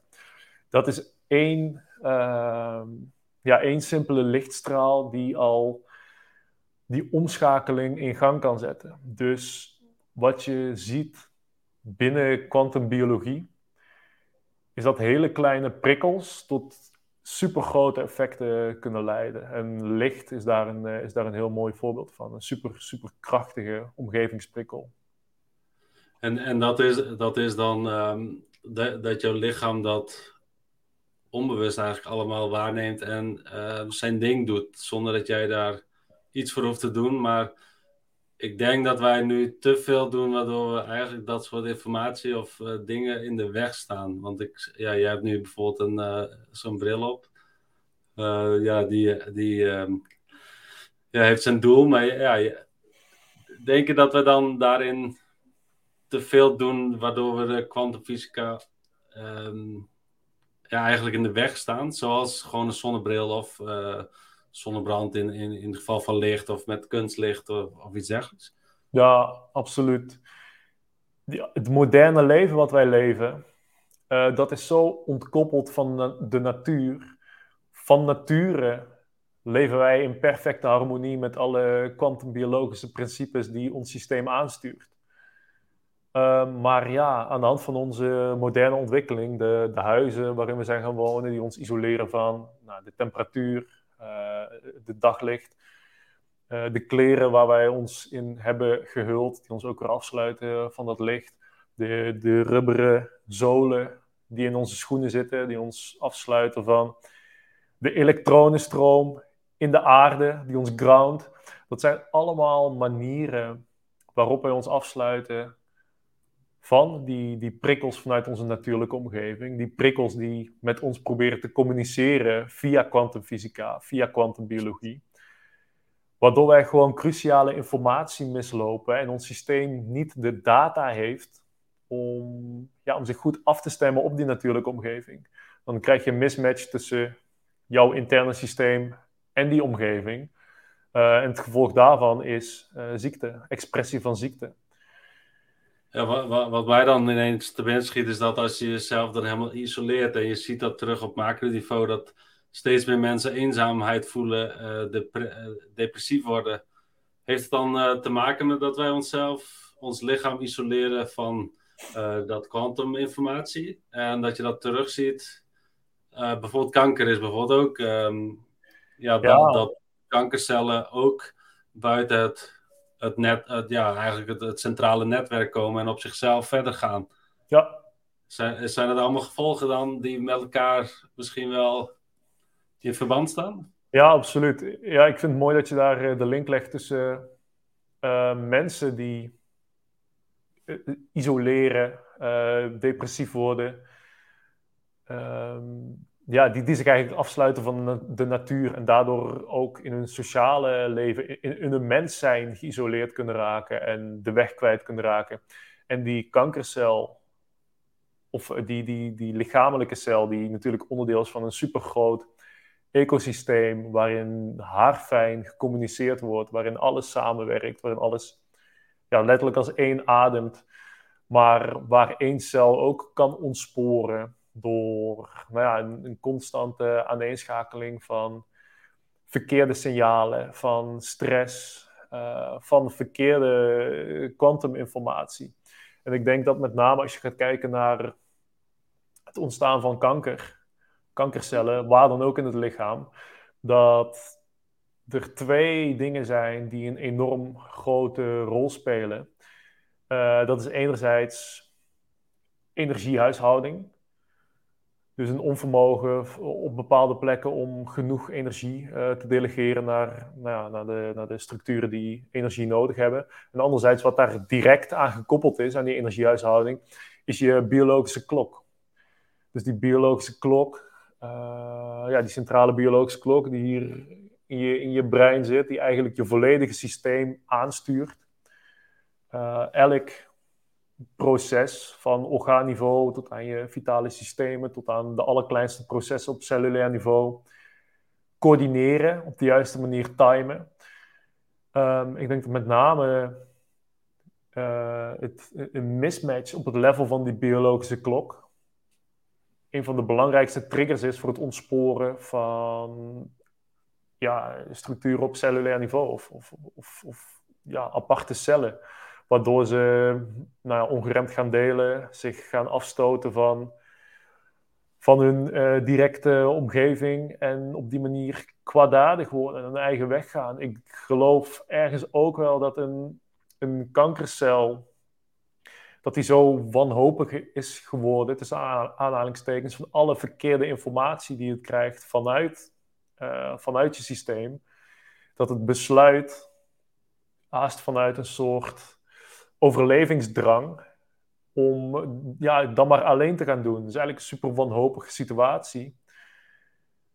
Um, ja, waarin als een soort van last resort denkt van, nou ja, dan ga ik het zelf maar proberen. Dan ga ik zelf maar uh, op pad in de hoop op een, op een betere leven, letterlijk. Ja. En um, er daar, uh, daar, daardoor besluiten eruit uh, te naaien, om het zo maar even te zeggen. En zijn eigen weg te gaan, dat je dan kanker hebt. Maar, maar heb je hier nou ook een punt benoemd die eigenlijk antwoord geeft op, de, op wat je eerder in het gesprek zei um, als startpunt? Want um, ja, eigenlijk uh, benoem je dus het, het probleem met dat we onszelf isoleren van alle elementen en met name de natuurlijke elementen. Zou dat een, een startpunt moeten zijn waar mensen die nu zoiets hebben, oké, ik wil 1 januari beginnen met gezondheid of ik wil nu iets doen, maar ik weet niet waar te beginnen. Zou dan dit het antwoord zijn wat jij zegt, oké, start met jezelf weer in de natuur te zetten? Ja, absoluut. Ik denk um dat dat de allerbelangrijkste is. Want ja, heel vaak eh, als we dan net die jungle betreden, om dan maar weer even op terug te komen, dan, uh, ja, dan gaan we toch ook weer een beetje op zoek naar de, naar de semi-quick fixes. Kijk, we hebben het over medicatie gehad en reguliere gezondheid. Dat gaat natuurlijk echt om de, om de magic pills en de quick fixes. Maar wat je heel vaak ziet, als we een beetje de, de alternatieve, tussen aanhalingstekens, uh, kant op gaan, of ja, de gezondheid van binnenuit zoeken, de gezondheid in je leefstijl zoeken, is dat we toch ook weer op het pad van supplementen komen en de, de gadgets en de biohack tools en zo. Eigenlijk ja, is dat hetzelfde verhaal, maar dan net in een ander jasje. Kost vaak ook heel veel geld, heel veel moeite. En natuurlijk, er zijn, er zijn goede supplementen, er zijn zinnige gadgets, er zijn goede biohacking tools. Uh, maar eigenlijk het echte goud zit hem in die herverbinding met de natuur. Dat is waar iedereen zou moeten starten. Die echt fundamentele gezondheid wil ervaren of echte fundamentele gezondheid wil behalen. Um, en dat zijn vaak hele simpele dingen. Dat zijn vaak hele simpele tools voor die, voor die re reconnectie. Dat is nou ja, je blootstellen aan daglicht. Begin maar eens uh, s ochtends nadat je bent wakker geworden met gewoon een wandeling van 15 minuten buiten. Zorg dat je de zon in je ogen krijgt. Zorg dat je de zon op je huid krijgt. Als de zon niet schijnt, als het bewolkt is, ga nog steeds naar buiten. Want er komt genoeg informatie door het wolkendek om je biologische klok te synchroniseren. Um, om je ogen de informatie te geven om uh, serotonine aan te maken, dopamine, zodat je doelgericht aan je dag kan beginnen, zodat je, nou zodat je relaxed voelt, zodat je happy voelt, zodat je gelukkig voelt. Ehm, om je, nou, noem nog eens wat hormonen, om je, je schildklierhormonen aan te maken, zodat je metabolisme op het juiste level kan functioneren. Uh, nou ja, eigenlijk is licht het begin van bijna elk fundamenteel hormoon dat je nodig hebt om je, om je systeem op dagelijkse basis te draaien. Melatonine is nog zo'n cruciaal hormoon uh, niet alleen om s'avonds in slaap te komen, maar ook om s'avonds echt je diepe herstel- en reinigingsprogramma's te kunnen draaien. Dat is niet alleen afhankelijk van de duisternis die na zonsondergang intreedt, maar die melatonineproductie die begint al s ochtends uh, overdag met jouw blootstelling aan licht, met name aan UVA in dat lichtspectrum. Dus dat is al, als we echt over concrete uh, methoden beginnen, dan, dan is dat daglicht aan het begin van de dag is echt uh, fundamenteel, is echt cruciaal. Nog een hele makkelijke is natuurlijk grounding. Hoef je alleen maar van naar buiten te gaan, een stukje gras op te zoeken en uh, je blote pootjes erop te zetten. Super simpel, super goedkoop, gratis zelfs. En extreem effectief. Je je absorbeert elektronen vanuit uh, moedertje aarde. Is directe energie. Elektronen, uh, dat is ook de manier waarop wij energie uit onze voeding onttrekken. De voeding, of dat plantaardig is of dierlijk, er zit letterlijk lichtenergie in. De planten die staan met de blaadjes eh, in de lucht, staan ze zonlicht op te vangen. De energie in dat zonlicht absorberen ze, maken ze suikers van. In die suikers zit die lichtenergie dus opgeslagen in de vorm van elektronen. Als wij die suikers tot ons nemen via een appeltje of een peertje van die plant, ja, wij kauwen op die appel, absorberen het. In, ons, ehm, in onze darmen wordt het verteerd we absorberen het in onze bloedbaan. Die suikers komen in onze cellen terecht. Bij onze mitochondriën, onze energiefabriekjes, daar wordt het suiker wordt stap voor stap afgebroken om de lichtenergie vrij te laten. Uh, om de lichtenergie te ontketenen. En die lichtenergie die komt vrij in de vorm van elektronen. Of die elektronen nou uit voeding halen of uh, direct uit zonlichtblootstelling kan ook. Of via de grond, via grounding maakt in principe niet zoveel uit. Dus vandaar dat grounding ook echt een van de meest fundamentele ja, leefstijl-tools is om, om energie je systeem in te krijgen. Maar ook om je biologische klok te synchroniseren. Daar heeft die elektronenflow ook weer invloed op. Um, dus grounding is een super belangrijke. Ja. Ik, heb, ik heb zelfs nog wel een vraagje. Um, of denken een belangrijk onderwerp waar je wel wat uh, zinnigs over kunt zeggen. Als het toch over um, de vereenzaming en het isoleren ervan is, denk ik een industrie die, daar, die daarvan profiteert, is de zonnebrillenmerken. Uh, ik denk als je een beetje geïsoleerd voelt en eenzaam is, dat mensen steeds sneller hun zonnebril opzetten uh, als ze naar buiten gaan, omdat je daarmee toch een beetje achter kunt schuilen. Um, dat dat, dat um, ja, dat mensen ook met bewolkt weer uh, met uh, zonnebrillen lopen. Ja. Um, ja, wat, wat is het effect van, de, van een zonnebril en, en ja, op, op, überhaupt op je ogen, maar ook ja, op, op het hele verhaal, zeg maar, met je biologische klok, et cetera. Ja, desastreus. Desastreus. het lijkt zo onschuldig natuurlijk. Ja, het lijkt super onschuldig. En ja, je, je ziet het steeds meer. Dat mensen constant met zonnebrillen oplopen. Inderdaad, denk ik ook uit dat gevoel van anonimiteit. Het is natuurlijk ook wel lekker. Ja, lekker anoniem.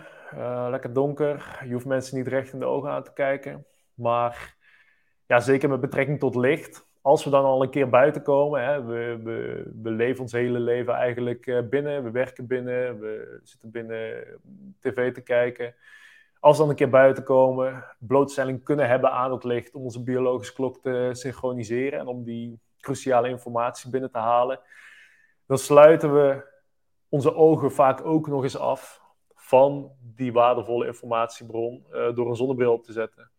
Dus je verstoort daarmee ja, heel dat synchronisatieproces. Uh, ja, als jij een zonnebrilletje opzet, dan denkt die biologische klok van jou dat het, uh, dat het rond schemer, schemertijd is. Dus dat het, uh, nou, laten we zeggen, 8 uur s'avonds is of 9 uur s'avonds, afhankelijk van waar je in het seizoen bevindt. Terwijl het net zo goed 12 uur s middags kan zijn of 3 uur s middags. Dus dat betekent dat je die, ja, die biologische klok ja, gewoon compleet ontregelt door die zonnebril te dragen. Sterker nog, het is misschien wel een fun fact. Als jij in de zomer naar buiten gaat en jij gaat je blootstellen aan uh, zonlicht met UV erin, dan wil jouw huid zich zo goed mogelijk aanpassen aan die blootstelling, aan, aan, dat UV. Dus die wil die, die pigment opbouwen, waardoor jij meer UV kan absorberen. Nou, waardoor de onderliggende structuren, zoals DNA van je cellen, minder snel beschadigd worden, minder snel verbrand en weerbaarder wordt voor, of weerbaarder wordt tegen UV. Maar als je een zonnebril draagt, en het full spectrum signaal van zonlicht, van daglicht, komt niet in jouw ogen. Dan ben jij veel minder goed in staat om die weerbaarheid tegen UV op te bouwen in je huid. Als jij dus uh, je blootstelt aan zonlicht. Dus zo zie je hoe ja, zowel de informatie, de lichtinformatie die via je huid binnenkomt, als de lichtinformatie die via je ogen binnenkomt, uh, direct worden doorgespeeld aan die centrale biologische klok in het centrum van je brein. En als die twee signalen die die twee organen ontvangen niet matchen, ja, dan krijg je ook een mismatch op het level van je biologische klok. En dan kan jouw systeem gewoon niet goed aangestuurd worden. Dan kan ja, jouw systeem zich niet goed afstemmen op de omgeving, de natuurlijke omgeving waarin jij je bevindt. En dan, ja, dan krijg je gewoon problemen. Ga je, ga je letterlijk sneller verbranden, je gaat minder pigment opbouwen. Waardoor je minder goed kan dealen met, uh, ja, met in dit geval dan de UV in het licht uh, van de zon.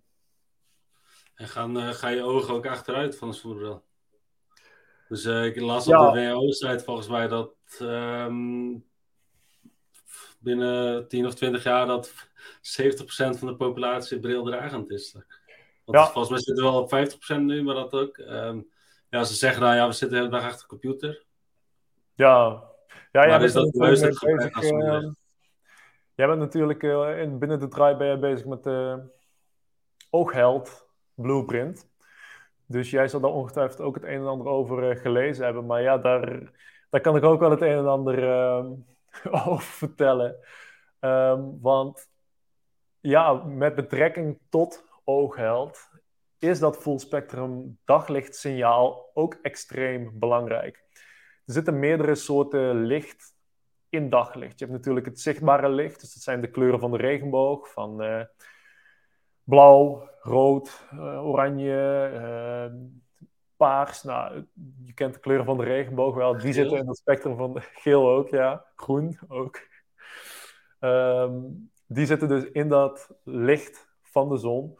Maar je hebt ook infrarood licht, kan je niet zien. Uh, je hebt ook ultraviolet dus, ultraviolet A en ultraviolet B, zit ook in de zon. Zijn ook ja, superbelangrijke smaken tussen aanhalingstekens in dat spectrum van de zon. Met name UVA, uh, heeft een hele belangrijke functie in ooggezondheid. Wat je veel ziet is UV-blokkers op brillen, op lenzen. Uh, veel brillen en lenzen houden ook een groot deel van het rode licht en het infrarode licht van, van de zon tegen. En dat is, ja, dat is gewoon een hele slechte zaak, want dat zijn allemaal uh, energiebronnen en informatiebronnen die ons oog nodig heeft ja, om gewoon gezond te blijven. En dan specifiek UVA zorgt voor um, dopamineproductie in je ogen al. En wat je ziet is als die dopamineproductie niet uh, goed gereguleerd kan worden, krijg je verlenging van de oogbol. Dat betekent dat de, het breekpunt van het licht wordt veranderd, waardoor het breekpunt uh, te veel naar voren komt liggen. Technisch verhaal laat ik dat niet doen. Um, je oogbol verlengt. Wat betekent dat je verziend wordt. Uh, zeg ik het goed?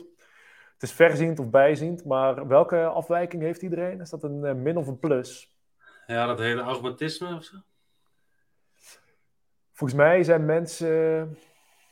Even kijken dat ze, dat ze dichtbij niet meer kunnen zien van, van veraf. Ver, veraf, ja. Veraf, ja. Of is het wel juist dichtbij? Volgens mij kunnen de meeste mensen veraf niet zien, ja. Nou, er is in ieder geval één maar, maar ook inderdaad die... leesbril ook natuurlijk. Met... Ja, precies. Volgens mij is het van dichtbij juist. Maar er is in ieder geval één oogafwijking die uh, we massaal uh, verkrijgen. Dat is door die verlenging van die oogbol, onder andere door die, die, ja, die, die verstoring van die dopaminehuishouding. Dat is volledig te wijten aan het gebrek van UVA in je oog. Door al die ja, UV-blokkerende brillen die we dragen, UV-blokkerende zonnebrillen, UV-blokkerende lenzen.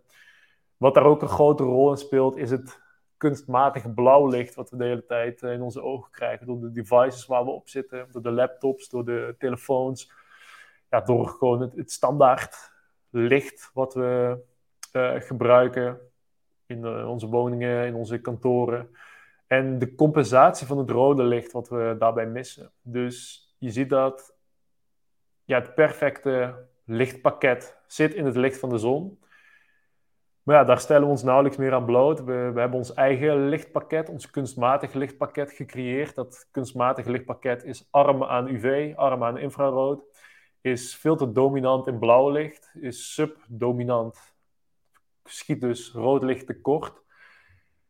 Het signaal wat wij aan onze ogen presenteren, het lichtsignaal, compleet onnatuurlijk. Ehm, ja, en het verandert gewoon de manier waarop ons oog functioneert. En dat is een van de redenen waarom we ja, massaal oogproblemen hebben. Ja. En massaal brilletjes nodig hebben.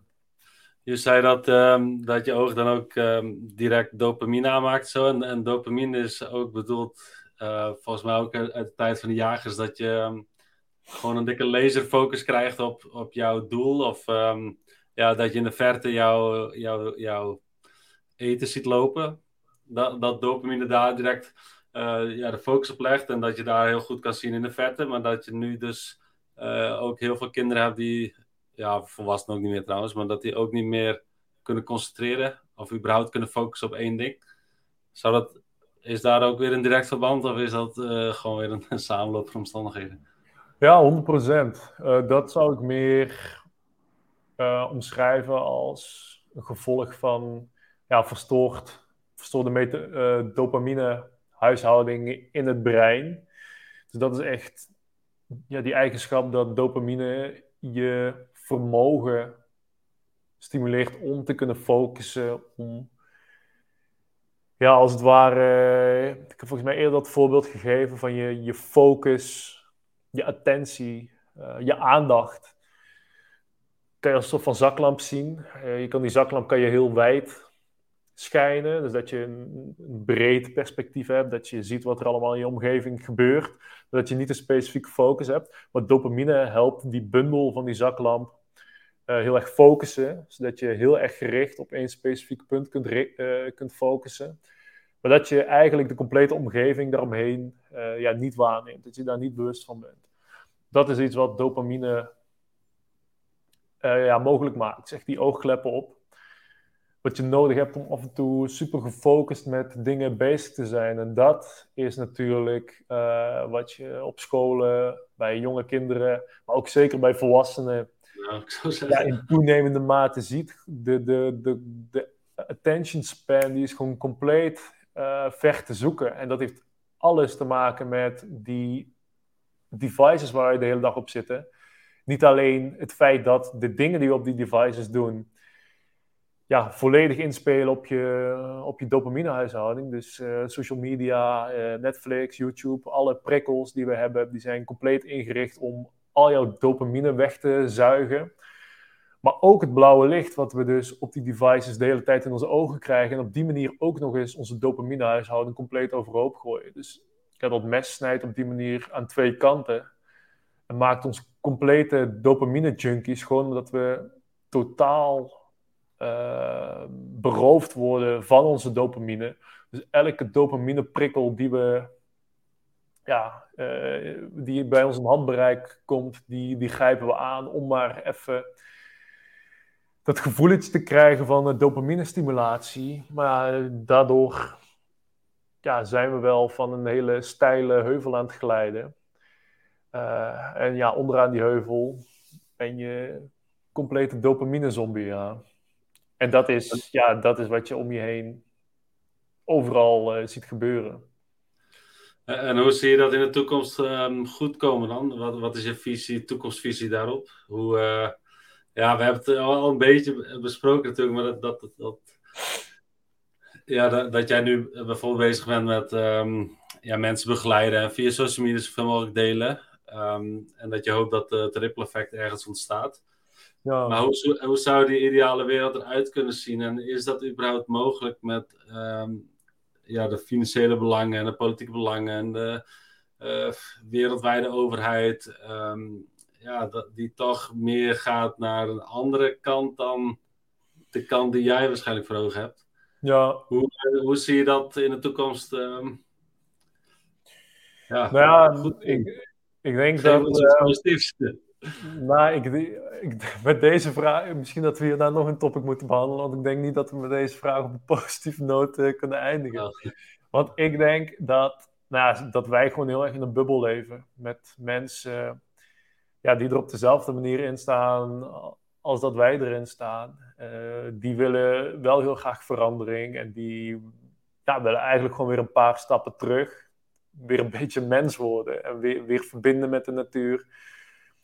Ja, zodat je ook daadwerkelijk kan voelen hoe het is om mens te zijn. Maar ja, zodra ik hier door de stad loop uh, en ik zie iedereen met een gezicht in de telefoon. Mensen kijken elkaar niet aan. Mensen kijken boos, gespannen, uh, strak ja, als ik een keer uh, hier in Eindhoven de, de stad induik, dan zie je dat ja, mensen zijn agressief, uh, kijken daar ook boos, heel erg bezig met wat er om hen heen gebeurt, wat de mensen van ze vinden. Uh, steeds meer mensen die ook gewoon aan de druk zitten en zo. Het gaat gewoon niet echt de goede kant op. dat is de conclusie die ik trek als ik dan even buiten die idyllische bubbel kijk waar wij dan in leven. Dat is af en toe super confronterend, maar ja, wat we al eerder zeiden, dat is misschien wel het kwaad wat moet geschieden om, om ons echt op groter, groter level uh, wakker te schudden. Maar hebben we groot nodig? Hm? Hebben we groot nodig of kan, kunnen we ook op um, microniveau ons eigen leven leiden. Ondanks dat de overheid of meer richting het globale gaat. Dat, ja, dat wij eigenlijk daar niet zo in mee hoeven te gaan, maar dat we wel dit wat wij nu bijvoorbeeld met de tribe doen, dat dat in het echte leven steeds meer plek krijgt of zo? Ja, ja dan zou je het hebben over die bubbel waar wij in leven, om die steeds wat groter te maken. En ik denk dat dat ook, dat is ook wat mij drijft. Dat is ook wat mij uh, staande houdt. Want je kan wel de hele tijd buiten die bubbel gaan kijken van wat er daar allemaal fout gaat. Maar daar word je gewoon niet heel vrolijk van. Dus dat is iets, ja, dat motiveert mij elke dag dat ik uh, opsta. Is gewoon, wat kan jij in jouw persoonlijke range van invloed doen om te zorgen dat, uh, ja, dat het de goede kant op blijft gaan en dat mensen ja, zo'n positief en fijn mogelijk leven leiden. En um, ja, ik denk dat we, dat we daar hele mooie stappen mee aan het maken zijn. En dat inderdaad, wat je zegt, dat er ook steeds meer mensen uh, wakker worden op dat gebied. En hoe groter die groep wordt. Ja, ik vraag, ik vraag me wel eens af van, moet iedereen uh, wakker worden op het level tussen aanhalingstekens. Ik denk niet dat, dat je echt de grote meerderheid nodig hebt om die shift te maken. Maar ja, ze zeggen wel eens uh, eh, 11%. Volgens mij zeiden ze dat zelfs nog bij. Uh, hoe heet het? Ja, die voorstelling waar wij toen, uh, toen waren in Rotterdam. Dat 11% het magische getal zou moeten zijn om een grotere shift in gang te zetten. Ja. Nou ja, ik denk ook van niet eigenlijk. Als je puur naar ons kijkt, ja, of naar mezelf, dan kunnen wij het ook, zeg maar. Ik, ik heb eigenlijk weinig last van, ehm, ja, van anderen of zo. Ik, ik, doe gewoon mijn eigen ding. Jij, jij doet je eigen ding. En, en uiteindelijk hebben we samen gewoon iets van 40.000 contacten die eigenlijk daar ook in geïnteresseerd zijn. Ehm, ja, als we niet zoveel bezig zijn met die randzaken en ehm, ja, het kunnen bereiken dat mensen weer elkaar zien. Ja, dan, dan uh, heb je volgens mij niet een groter. Um, of heb je iedereen nodig? Nee. Nee. Ja, nee, kijk, dat is een supergoed punt. We willen het graag natuurlijk op grote schaal uh, meteen fixen. Ja, dat maakt het wel makkelijker, zeg maar. Maar als je ziet met voeding bijvoorbeeld, als je heel veel vraag naar goede voeding krijgt, of organisch of biologisch of uh, grasgevoerde, ja, dan komt er ook steeds meer aanbod. En dat maakt het dan wel makkelijker als je heel veel mensen hebt. Ja, maar dat is natuurlijk de, de oeroude cliché, maar wel gewoon zo extreem waar. Het begint gewoon bij, bij jezelf. En ga eerst maar zorgen dat je, ja, dat je zelf leeft volgens, je, volgens de waarden die jij belangrijk vindt. En dan, ja, dan ga je inderdaad dingen doen als je voeding halen bij uh, biologische boeren of boeren die het best met de wereld uh, voor hebben. Misschien dat je eens een keer iemand in je directe omgeving inspireert. Of iemand die vraagt van, hé, hey, waarom doe je dit en dat? Nou, dan leg je het uit. Misschien dat ze daar wel door geïnspireerd raken en wat dingen van je overnemen.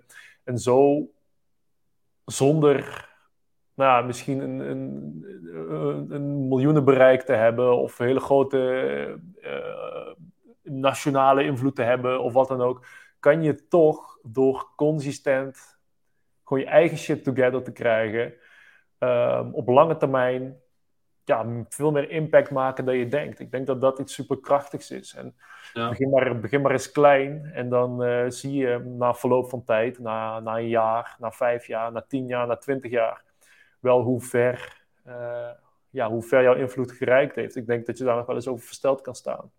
Ja, ja ik denk het ook. Start bij de Iki Tribe. Ja, dat is een super mooi, super mooi begin natuurlijk. Ja. ja. Nou ja, goed, aan de, aan de ene kant uh, denk ik ook dat, dat het, um, wat jij ook zegt, belangrijk is dat, dat je zelf iets gaat doen. Wat, wat ik, wat, waar ik mezelf wel vaak stoor, is dat, um, dat uh, mensen heel graag andere mensen mee willen nemen daarin. Ja. Maar dat op een hele belerende manier, manier doen, of zelfs schreeuwende manier van wakker worden, je, je ja. dit en dat. En, en dat dat heel averechts helpt. En het helpt veel meer als jij laat zien wat jij doet. Ja. En dat andere mensen denken, hé, hey, dat is vet, of uh, inspirerend, of uh, daar wil ik meer van weten. Dat je dan uh, meer bereikt dan dat je maar aan andere mensen gaat trekken of zeggen wat zij fout doen of niet goed doen. En, en dat is een tendens die we, die we misschien ook moeten kunnen omdraaien. Ja, 100%. Dat zie je natuurlijk heel veel. Hè? Dat mensen zo in die frustratie zitten en zo in misschien ook wel nog een soort van ontkenningsfase van alle alle ja, matige dingen die, die er aan het gebeuren zijn en die er constant om je heen gebeuren. Een soort van verzet. Dat je in een soort van verzet, uh, als het ware, uit alle macht probeert om je omgeving uh, mee te krijgen in ja, hoe, hoe jij het allemaal voor je ziet. Maar dat werkt natuurlijk altijd averechts. Uh, dus ja, wat jij zegt, zorg gewoon dat je zelf het goede voorbeeld geeft. Zorg dat je je eigen eigen shit together hebt. En ja, dat is misschien wel het meest helpende ook voor je omgeving uh, wat je kan doen. En als mensen ervoor openstaan, als mensen eraan toe zijn, dan, dan gaan ze zelf wel eens een keer vragen van, uh, oh, hoe doe je dat? Waarom doe je dat? En dan, voor je het weten, dan heb je iemand anders uh, mee, zonder dat je daar ook zelf maar eigenlijk een actieve stap, stap in genomen hebt. Ja, ja, ik, ik, denk eigenlijk ook dat het meest gekke eigenlijk is, als je er heel, heel um, zwart-wit naar kijkt, is dat het meest bizarre is eigenlijk dat uh, de meeste mensen gewoon hetzelfde willen. Het eigenlijk het beste met anderen voor hebben, maar dat op een, op een ja, door een beperkte perceptie of beperkte informatievoorziening lijnrecht tegenover elkaar komen, terwijl ze eigenlijk, uh, ja, met, met het geval van um, corona of zo, dat ja, de ene zegt, hey, ik lees allemaal dingen, dan uh, neem het alsjeblieft niet, want misschien uh, gebeurt er iets ergs. En de andere denkt, ja, neem het alsjeblieft, want dan uh, ben je beschermd. Dus eigenlijk wil je beide beschermen, maar dan sta je lijnrecht over elkaar te schreeuwen. en dat zie je met alles eigenlijk. In ja. Je ziet het wat met, met mijn melkpost zo. Ja, ja het, het, is zo lijnrecht, terwijl je toch iedereen wil dat een andere goede gezondheid heeft. Dus uh, ja, uiteindelijk willen we hetzelfde, maar we moeten uh, ja, onze communicatie, perceptie misschien veranderen. Ja, ik denk dat dat ook wel een, een hele belangrijke is om toch ja, compassie op te kunnen brengen voor degene die, die er anders in staan dan jij. 99% van de mensen die wil ook oprecht het beste, maar voor zichzelf natuurlijk, maar ook voor zijn omgeving. Ja heel veel mensen opereren echt al vanuit goede intenties, maar toch op een of andere manier kan het nog steeds zo zijn dat je recht tegenover elkaar komt te staan. En hoe sterk je het ook oneens bent met anderen. Ja, ik, als ik me bedenk van, nou ja, hij of zij zal het wel vanuit goede en oprechte intenties bedoelen, dan, ja, dan kan ik het ook altijd wel laten rusten. En dan ga je gewoon weer verder met je eigen, met je eigen zaakje, met je eigen goede intenties. En dat maakt, ja, dat maakt het ook al wat draaglijker om, uh, ja, om al die afwijkendheden om je heen uh, waar te nemen. Vind ik, hè? Ja. En helpt om gewoon op je eigen, eigen dingen te focussen, ja. Ja, nou, dat is toch eigenlijk wel een positief einde. Ja. op micro-level en op persoonlijk level kun je eigenlijk gewoon nog genoeg positieve dingen doen. En zijn er genoeg mensen om je heen die dat ook willen. Ja. Dus eigenlijk is er helemaal niks aan de hand. wil, je, wil je nog iets kwijt dan, ehm, de luisteraar? Wil ik nog iets kwijt? Want daar ben ik niet zo goed in onderspot. Uh... Nee, snap ik wel. Anders uh, kunnen we hier nog wel 2,5 uur doorgaan, denk ik. Ja. Zit naar ik, ik, wil nog zoveel kwijt eigenlijk, maar uh, ik zie anderhalf uur hier in de teller linksboven. Ik denk dat dat wel een. ik denk dat dat. Als mensen die spanningsboog op kunnen brengen, dan ben ik alweer super tevreden. Dat wil zeggen dat je in ieder geval wat daglicht hebt gepakt, wat blauw licht hebt vermeden en ja, enigszins geconnect bent met, uh, met je natuurlijke omgeving. Dus uh, dan wil ik sowieso voor je applaudisseren. Nee, ja, ik zou zeggen uh, bedankt voor het luisteren. Als je ons tot hier hebt vergezeld. En ja, tot de volgende. Ik weet niet of jij nog... Ja.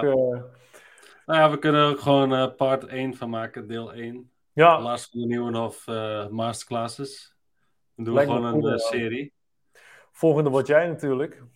Ga ik jou aan de tand uh, ja. Kunnen, mensen, kunnen mensen eens leren kennen? Ik denk dat, ze daar, uh, dat sommige mensen daar ook wel eens op zitten te wachten. Denk je? Ja, dat weet ik al zeker, ja. Ja, ja nee, wat ik nog dacht, ik kan, ik kan ook even een keer een vraagsticker op jou uh, online gooien en dan dat we daar even een, nou, een dynamisch gesprek van maken. Dat kunnen we natuurlijk sowieso doen, maar maar ik denk dat ik jou uh, sowieso ook maar even een keer moet gaan interviewen. Ja, en uh, ja, wat, uh, eh, 16 januari is de dag van de nieuwe epigenetica blueprint in 2023. 2023 wordt jouw jaar. ja. meer informatie kun je daarover vinden op onze website ikigates.nl slash epigenetica. ja, ik zal het linkje er ook even toevoegen. Ja, ja, nee, dat, wordt dus uh, een uitgelezen kans om als je dus al een hele tijd zoiets hebt van nou, ik wil echt aan mijn gezondheid sleutelen, maar ik zou niet weten hoe. Als ik zelf uh, ja, intreden maak in die jungle van gezondheid, dan uh, verdwaal ik constant. Ik zou niet weten waar ik moet beginnen. Dan, ja, dan hebben wij die epigenetica blueprint natuurlijk voor jou geschreven. Gaan we je in zes weken meenemen stap voor stap langs ja, alle fundamentele tools, methoden om, ja, om je gezondheid steentje voor steentje als een huis neer te zetten. dat, is een, uh, dat is een mooie beeldspraak, hè? Ja, dat is heel mooi. Heel mooi. 16 januari. Lars, thanks. Ja, jij bedankt. En, um, bedankt. Ja, als je deze podcast leuk vond, deel het met je vrienden. En uh, zorg voor dat ripple effect. Yes.